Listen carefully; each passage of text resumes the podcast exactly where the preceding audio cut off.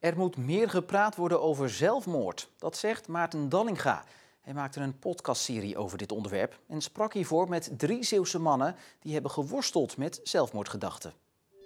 Ze zijn er alle drie opgegroeid: Roland, Alfons en Jeroen.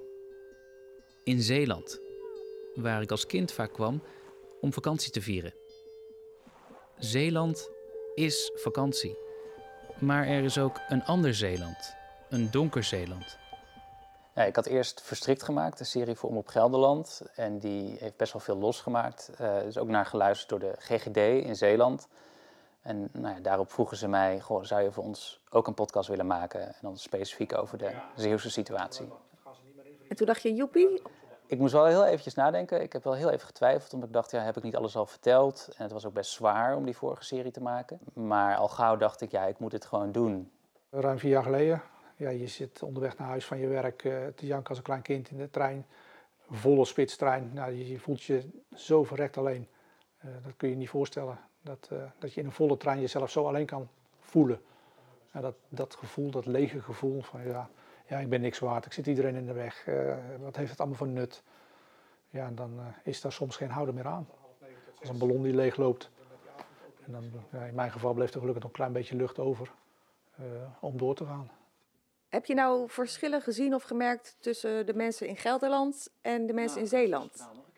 En misschien is het voor Zeeuwen soms, is het voor Zeeuwen soms nog wel wat moeilijker dan het voor andere mensen is. Omdat in veel Zeeuwse huishoudens of gezinnen het gewoon niet zo gebruikelijk is om te praten over je gevoelens, over wat je echt dwars zit. Want hoe was het om Zeeuwen te zoeken voor deze podcastserie? Moeilijk, heel moeilijk. Ja, het is een onderwerp waar niet makkelijk over gesproken wordt.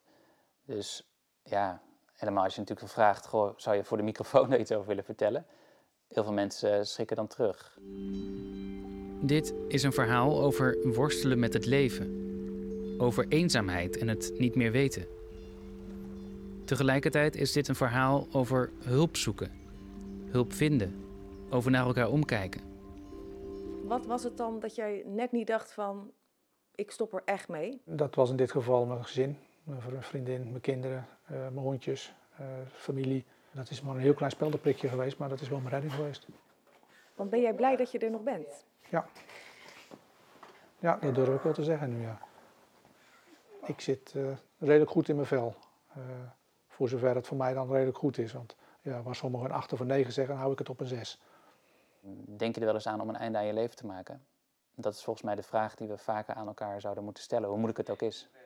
En dat is iets uh, ja, wat, wat, wat Zeeuwen denk ik toch wat meer zouden moeten proberen te doen. Praten kan helpen. Uh, praten kan zelfs levensreddend zijn. Niet altijd, maar het kan heel erg helpen om uit die fuik te komen van dood willen, van een einde aan je leven willen maken. Het kan het begin zijn van een nieuwe start.